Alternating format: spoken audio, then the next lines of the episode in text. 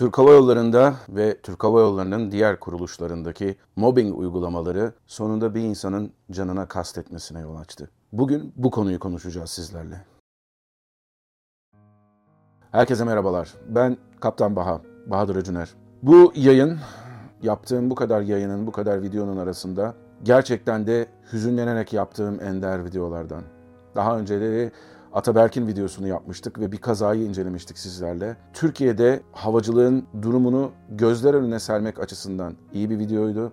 Ve ne yazık ki 2023'ün ortasına geldiğimiz bu günlerde hala o konuda bir gelişme yaşanmadı. Suçlular hala cezasını bulmadı. İşte böyle bir ortamda yaşıyoruz Türkiye'de. Havacılık da böyle bir ortamda tırnak içerisinde gelişiyor. Geçtiğimiz hafta ne yazık ki genç bir arkadaşımız canına kıydı. Kolay bir şey değil bu. insanın kendisinin yaşama özgürlüğünden vazgeçmesi. Bu kararı alana kadar ne yollar denedi Koray arkadaşımız. Ne yazık ki gösterdiği bütün çabalar Türk Hava Yolları ve alt kuruluşlarında meydana gelen siz buna mobbing diyorsunuz ama taciz, adam kayırma, haksız yere işten çıkarmalar ve haksız yere insanların ekmeğiyle oynamalar türünden uygulamalara ne son verecek ne bundan sonra buna engel olacak. Buna eminim. Çoğu kişi bilmez, ben de sizlere açıklamadım kariyerimle ilgili ama 1990 yılında üniversiteden mezun olduğum zaman iş görüşmesi yaptığım firmalardan bir tanesi de Türk Hava Yolları'ydı. İşe kabul edilmiştim ama Yeşilköy benim yaşadığım Balmumcu'ya çok uzak olduğu için ve daha önceden de staj yapmış olduğum Gayrettepe'deki bir bankada işe başladım. Türk Hava Yolları'nda çalışmak yerine. İki arkadaştık bizim sınıftan. O arkadaşım belli bir süre Türk Hava Yolları'nda çalıştı ve o zaman bana anlattığı bankamatik memurları vardı. Türk Hava Yolları'ndan maaşını alıp gitmeyen memurlardan söz ediyordu. Yani aslında Türk Hava Yolları'ndaki bu düzensizlik, bu kokuşmuşluk aslında o zamanlarda da vardı. Ama ne yazık ki geçtiğimiz yıllarda artık siyasi bağlantılardan mı diyelim yoksa Türk Hava Yolları'nın gerçekten mali olarak başarılı bir şirket olmasından kaynaklanan nedenlerden mi diyelim Türk Hava Yolları'na o kadar çok haksız yere iktidar yanlısı eleman alındı ki bunlar da o kadar haksız yere insanların hayatlarıyla kendileri gibi düşünmeyen, yaşam tarzı kendileri gibi olmayan insanlarla o kadar uğraştılar ki artık yapılan haksızlıklardan sonra insanlar mahkemeye gidip yıllar süren süreçler sonucunda haklarını alsalar bile bir türlü kendilerini toparlayamıyorlardı. Koray'ın videosunu izledikten sonra ben bunun bir kısmını paylaştım Instagram hesabımda. Arkasından Instagram'dan gelen mesajların inanır mısınız haddi hesabı yoktu. Bazı insanlar bana oturdular, başlarına gelenleri yazdılar. Bazıları bana telefonla ulaşıp telefonla dertlerini dinlettiler. Neler neler var. Boş günde uçuşa çağrılan bir pilot hikayesi var örneğin. Boş günü pilotların aslında çok fazla değildir Türk Hava Yolları'nda. Özellikle de dar gövdede çalışıyorsanız. Artık böyle bitap kalana kadar sizi uçururlar. Ayda 50-55 bacak uçarsınız. 7 güne kadar boş gününüz düşer. Yaz aylarında 110 saate kadar bile çıkarırlar sizin uçuş saatinizi. Ve arkasından da boş gününüzde de sizin gelmenizi isterler. Yıllık izniniz elinizden alınır zorla. Boş gününde uçuşa gitmeyen bir pilotun daha sonradan yapacağı olan kaymak tabir edilen rahat uçuşlar elinden alınıp boş gününde uçuşa gitmeyi reddettiği için ona sürekli olarak en zor uçuşlardan olan Afrika uçuşlarının yazılması gibi bir takım taciz olaylarından söz edebilirim size. Sebepsiz yere işlerinden atılan kabin ekiplerinden söz edebilirim. Ve bunlar daha sonradan mahkemeye verildikten sonra Türk Hava Yolları'nı haklarını elde ettikten sonra Türk adaleti sayesinde yine de tazminatlarının verilip şirketle yine de ilişkilerinin kesilmesi olayından bahsedebilirim. Bazı olayları size anlatmak istemiyorum çünkü o kadar kötü bir alışkanlığı var ki Türk Hava Yolları insan kaynaklarının bu kötü durumları düzeltmeye çalışmak yerine bu anlatılan hikayelerden olayın kahramanlarının kim olduklarını bulup daha sonra bunları işten atma, onlardan savunma isteme, onlara dünyayı dar etme yönünde çaba sarf ediyorlar. İstanbul Belediyesi seçimlerini kaybettikten sonra işe alınacak insanların işe alınmayıp belediyede iş sözü verilen insanların Türk Hava Yolları'na işe alınması gibi olaylardan bahsediyoruz. İşlerinden ayrıldıktan sonra "Aa biz vazgeçtik seni işe almıyoruz." demeleri gibi. İnsanların sosyal medyada bir futbol takımına veya başka bir şeye veya havacılıkla ilgili bir konuda yaptıkları yorumdan sonra o insanların takip edilip onlardan savunma istenmesi ve disiplin cezasına varıncaya kadar bir türlü uğraşmalarından bahsediyoruz sizlere. İnsanların sosyal medya hesaplarında arkadaşlarıyla gittiği bir yemekte çekirdik, çektirdikleri fotoğraftan ötürü disiplin cezasına verilmelerinden bahsediyoruz sizlere. Veya insanların çocukların istismarına karşı yapmış olduğu bir paylaşımdan ötürü disiplin cezası verilip işinden el, et, el etek çektirilen insanlardan söz ediyoruz. O kadar çok örneği var ki. Ama bunların hepsini topladığınız zaman Koray'ın anlattıkları, Koray'ın yaşadıkları ve daha sonradan kendisini bu uğurda bir önder olmak için yakmasını, ailesine, çevresine verdiği acıyı hiçbiri hiçbiri onlara eşit olamaz. Koray'ın videosunu izledim. Koray'ın videosunu izlemenin dışında ben de aynı zamanda bu videonun sonuna koyacağım. Ve bu videonun sonunda ellerinizi kalbinize, ellerinizi vicdanınıza koyup böyle uygulamaların neden yapıldığını sorgulamanızı istiyorum sizden. Sadece kendi açınızdan sorgulamayın. Bu konuyu Türk Hava Yolları'nın gelişmesi için çok çaba sarf ettiklerini söyleyen yöneticilerle de paylaşın lütfen. Bir yandan Türk Hava Yolları'nı hakikaten dünyanın sayılı hava yolları yaparken bir yandan da insanların çalışması açısından bir zindan haline getirmek nasıl bir akıldır, nasıl bir yöneticiliktir ben bilmiyorum. Sayın Ahmet Bolat, Sayın Bilal Ekşi ve diğer yöneticiler bu konuda size gerçekten çok fazla yük düşüyor.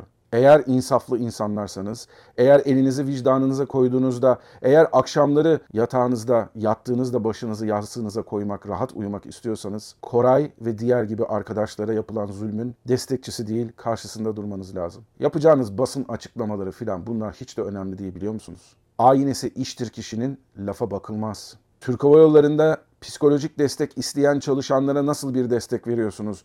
Bunu açıklamanız lazım. İnsanlar bu desteği aradıkları zaman onlara herhangi bir yaptırım uygulanacak mı? Onu bahsetmeniz lazım. Sizin kadar büyük şirketlerin mutlaka ve mutlaka yardıma ihtiyacı olan insanlar için bir bölümü bir bireylerle tamamıyla kişisel bilgilerinin güvende tutulacağına dair bir garanti verilip konuşulması lazım. Amerika'da bütün şirketlerde benim çalıştığım büyük şirketlerde böyle servisler var. Yarın öbür gün bunlar aleyhlerinde kullanılırsa o zaman hiçbir işe yaramaz. Daha yeni Koraylar ortaya çıkar. Bakın Koray sadece bir örnek değil. Onun dışında intihar teşebbüsünde bulunup kurtulmuş, son dakikada kurtulmuş bir insanla da konuştum ben. Ne yazık ki insanları ezmek, onlardan verim almanın yolu değil. Şimdi Koray'ın anlattıklarıyla sizi baş başa bırakıyorum. Sonuna kadar izleyin bu videoyu lütfen. Benim için değil, Koray için. Geride bıraktığı sevdikleri için. Geride bıraktığı birkaç tane konuştuğum ne kadar canlı ve ne kadar hayat dolu bir insan olduğunu anlatan arkadaşları için oturun izleyin. Başa sarın tekrar izleyin. Türk Hava Yolları'ndaki bütün ara yöneticiler hepiniz oturun, izleyin, ders alın ve artık bırakın bu insanlara dünyayı zindan etmeyi. Herkes çalışmak istiyor, herkes ekmeğinin peşinde, herkes şirketiyle gurur duyuyor. İnsanları düşman olarak, insanları şirketi batırmak isteyen caniler olarak görmekten vazgeçin. Benden şimdilik bu kadar. Huzur içinde uyu Koray. bitireceğini, mahvedeceğini söylüyordu eğer konuşursam. Zaten her şey bitmiş, mahvolmuştu. Artık kaybedecek bir şey yoktu. Fakat Türk Hava Yolları'ndan da herhangi bir dönüş alamadım. Hiçbir mailime dahi cevap vermediler. Konuyu kısaca anlatayım. Ee, uzun yıllar İstanbul TGS'de çalıştım. Türk Hava Yolları'na hizmet veren Turkish Ground Services firması. Başarılıydım. Elimden gelen her şeyi yapıyordum. Arkadaşlarım tarafından seviliyordum. En son koordinasyon biriminde çalışıyordum. Dış istasyonlarla görüşüyordum. Ee, eğitmenlik sertifikası almak üzereydim. Tam sınavlarım bitmek üzereydi. Her şey başarılı ve güzel gidiyordu. Daha sonra Alican Gürsoylar ve Burhan Bayhan beni aradı. Alican Gürsoylar Serkan Gün- Gündüz'ün Tokyo İstasyon Müdürü'nün kuzeniymiş. Tabii ben bunu geldikten sonra gelmeme yakın artık her şeyi kabul ettikten sonra öğrendim. Uzun uzun beni ikna etmeye çalıştılar. Japonya'ya gelip çalışabileceğimi, burada Western Associates isminde Türk Hava Yolları'na hizmet veren Narita'da bir firma olduğunu söylediler. Alican Gündüz de buranın müdürü olduğunu söyledi. Önceden İstanbul'da çalışıyorlardı. Çok muhabbetim yoktu ama tanıyordum. Ee, koordinasyonda olduğumu, başarılı olduğumu, işte ee, Narita istasyonunda bazı sıkıntılar olduğunu, oradaki personellere tecrübe ve eğitiminden paylaşabileceğimi ve faydalı olabileceğimi uzun uzun anlatıp ikna etmeye çalıştılar. Ee, tabii ki standart soruları sordum. Sadece İngilizce biliyordum, Japonca bilmiyordum, yapabilir miydim? Bir aksilik çıkarsa işsiz kalırsam ne olurdu? Hiç bilmediğim bir ülke ama yurt dışı fırsatı da çok cazip geliyordu. Yani kariyerimi yurt dışında devam etmek isterdim. Alican Gündüz uzun uzun anlattı, ikna etmeye çalıştı. Ee, Serkan Gündüz isminde bir Tokyo istasyon müdürü olduğunu, her konuda Türklerin arkasında olduğunu, gelirsen benim de arkamda olacağını, bir yıl sonra Türk Hava Yolları'nın bir mülakatı olacağını, işte burada eğitim verip başarılı olursam mülakata gideceğimi ve e, alınma ihtimalinin çok yüksek olduğunu söyledi. Başarılı olduğum için ve ihtiyaç olduğunu söyledi. Çok cazip geliyordu. Daha sonra Serkan Gündüz işte uçak biletime kadar aldı gelmem için. Karar verdikten sonra e, tabii ki korkularım vardı. Gittim. Bir yıl boyunca orada görev aldım. Hiçbir aksilik olmadı. Herkese gerekli eğitimleri verdim. Gidince de öğrendim ki esas problem şu. Ben gelmeden önce 2018 yılında e, icra etmesi gereken bir seferde Burhan Bayhan Alican Gürsoylar manuel falan çizememiş.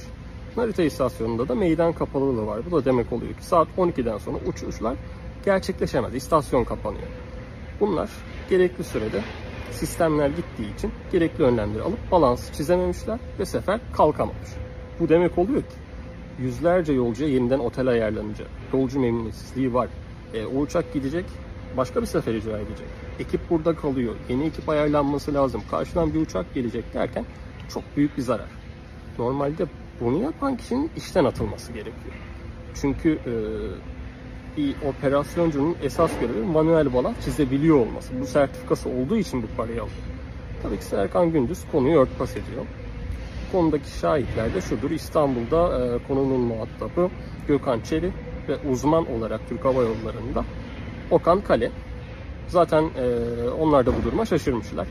Tabii dediğim gibi geldikten sonra öğrendim ben bunları. Serkan Gündüz de şöyle düşünüyor. Kuzenini Türk Hava Yolları'nı almak istiyor ana firmaya. Zaten Western Associates'la yani Türk Hava Yolları'nın yer hizmetleri firması orada hizmet veren firmayı da şöyle anlaşıyor. Diyor ki bak benim burada bir kuzenim var. Eğer ki bunu işe alırsanız ihaleyi size veririm diyor. Mevzu böyle. Düşünün yani Türk Hava Yolları ihalesini birine verdirmek için e, vermesi için böyle bir şart koşuyor. Üstü kapalı olarak. Ve kuzeni burada müdür oluyor. Burada müdür olduğunda zaten Narita istasyonunda bu firmadaki herkes çok rahatsız. Buradaki Japonlar, diğer yabancılar vesaire hiç sevmiyorlar bu kişiyi. Ya dediğim gibi bir sürü şahit de var. Ee, ben isimleri bırakacağım. Mailleri de bırakacağım. Yani bununla ilgili şeyim yok. Yani herkes biliyor mevzuları. Ondan sonra gelecek yıl e, Serkan Gündüz diyor ki evet bir alım var. CV'lerinizi Alican Gürsoylara yollayın. Biz de Burhan Bayhan'la birlikte yolluyoruz. Ama Serhan Gündüz e, Türk Hava Yolları'na sadece Alican ve Burhan'ın CV'sini yolluyor. Benimkini yollamıyor. Gidip sorduğumda da hıkmık falan yapıyor. Ya yolladım şöyle böyle. En sonunda da itiraf ediyor. Diyor ki e, böyle böyle ben sadece ikisini alacağım. Ya sana da bakacağız. Ya sen şey deme. E, zaten susmazsan da yapacak bir şeyin yoka getiriyor bana. Üstü kapalı orada ilk tehdidimi yiyorum. Mülakat yapılıyor. Mülakat yapılırken ben de aynı odadaydım. Ben de gittim. E, kapı açık bir şekilde yapıldı. Burhan Bayhan mülakata girdiğinde e, sordular. Lise mezunusun nasıl olacak bu iş diye. O da hıkmık yaptı, üniversite olmadı falan filan. Daha sonra Burhan odadan çıktıktan sonra Serkan Gündüz odaya girdi. Dediler hani bak bu lise mezunu neden böyle yapmış hiç yok mu? Başka bir aday yok dedi Serkan Gündüz. İyi tamam falan siz zaten Japonca mülakatını orada yapacaksınız dedi. Ama tabii ki Serkan Gündüz kendi kuzenini aldı. Burhan Bayhan lise mezunu olmasına rağmen aldı. Bir de şöyle bir durum var. Ee, Osaka istasyonu açılmamıştı. Burhan Bayhan'ı Osaka istasyonu için aldı. Açılmayan bir istasyon için aldı. Ee, tabii ki böyle bir sürü Ali Cengiz oyunu oynandı. Kendi kuzenine de gene mülakat yapmadı. Hala 3 yıldır Burhan Bayhan, Serkan Gündüz ve kuzeni Ali, Alican Gürsoy'la aynı ofiste çalışıyorlar. Yani liyakatsizliğe bakar mısınız? Açılmayan bir istasyon için Tokyo'da öylesine vakit geçiriyor Burhan Bayhan ve maaş alıyor. Kuzeni de zaten Alican Gürsoylar Japonya'ya getiriyor burada e, firmaya ihaleyi verme şartıyla ilgili kuzenini müdür yapmasını söylüyor. Kuzenini bir şekilde müdür yapıyor. Daha sonra Türk Hava Yolları'nı alıyor. Ben de gelip onları eğitiyorum. Buradaki aksaklıkları gideriyorum. Beni de kullanıp atıyorlar. Daha sonra Western ile Türk Hava Yolları'nın anlaşması bitiyor. Korona dönemi başlıyor. E, Narita kapanacak. Bana diyor ki bak sorunsuz istifa et, imzanı at, güzel bir şekilde ayrıl. Bak Tokyo'da e, verecek bir firma var. Orada işe başlarsın. İyi tamam demek zorunda kalıyorum. Çünkü yapacak bir şeyim yok. Kendimi daha yeterince geliştiremedim. Ülkeyi bilmiyorum, kulvarları bilmiyorum, tanıdığım kimse yok. Ve dönersem diyor ki yani dönersin ama iş bulamazsın diyor. Yani o konuda da bir tehdit yedim. Eski firmana dönemezsin. Ben çok güçlüyüm. Ne getirdi konuyu. Yapacak hiçbir şeyim kalmadı. İşsiz kalacaktım. Ee, neyse. Devamında şöyle bir şey oldu. Ee, bir süre bekledim. Fakat e, hiçbir işe giremedim. Ee, sıkıntı yaşıyordum. En son Serkan Gündüz bana yine bir teklifte bulundu. Dedi ki Okinawa'da benim bir arkadaşım var. Git orada bir garsonluk yap, takıl.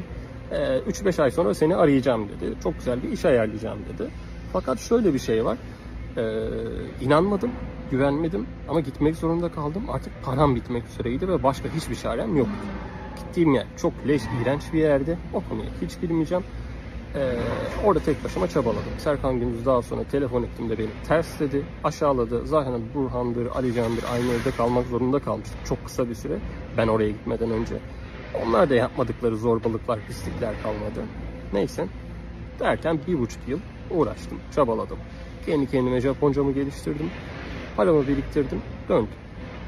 O aşamada gene işte e, Burhan Bayhan dedi ki ben sana yardımcı olacağım, vicdan azabı duyuyorum.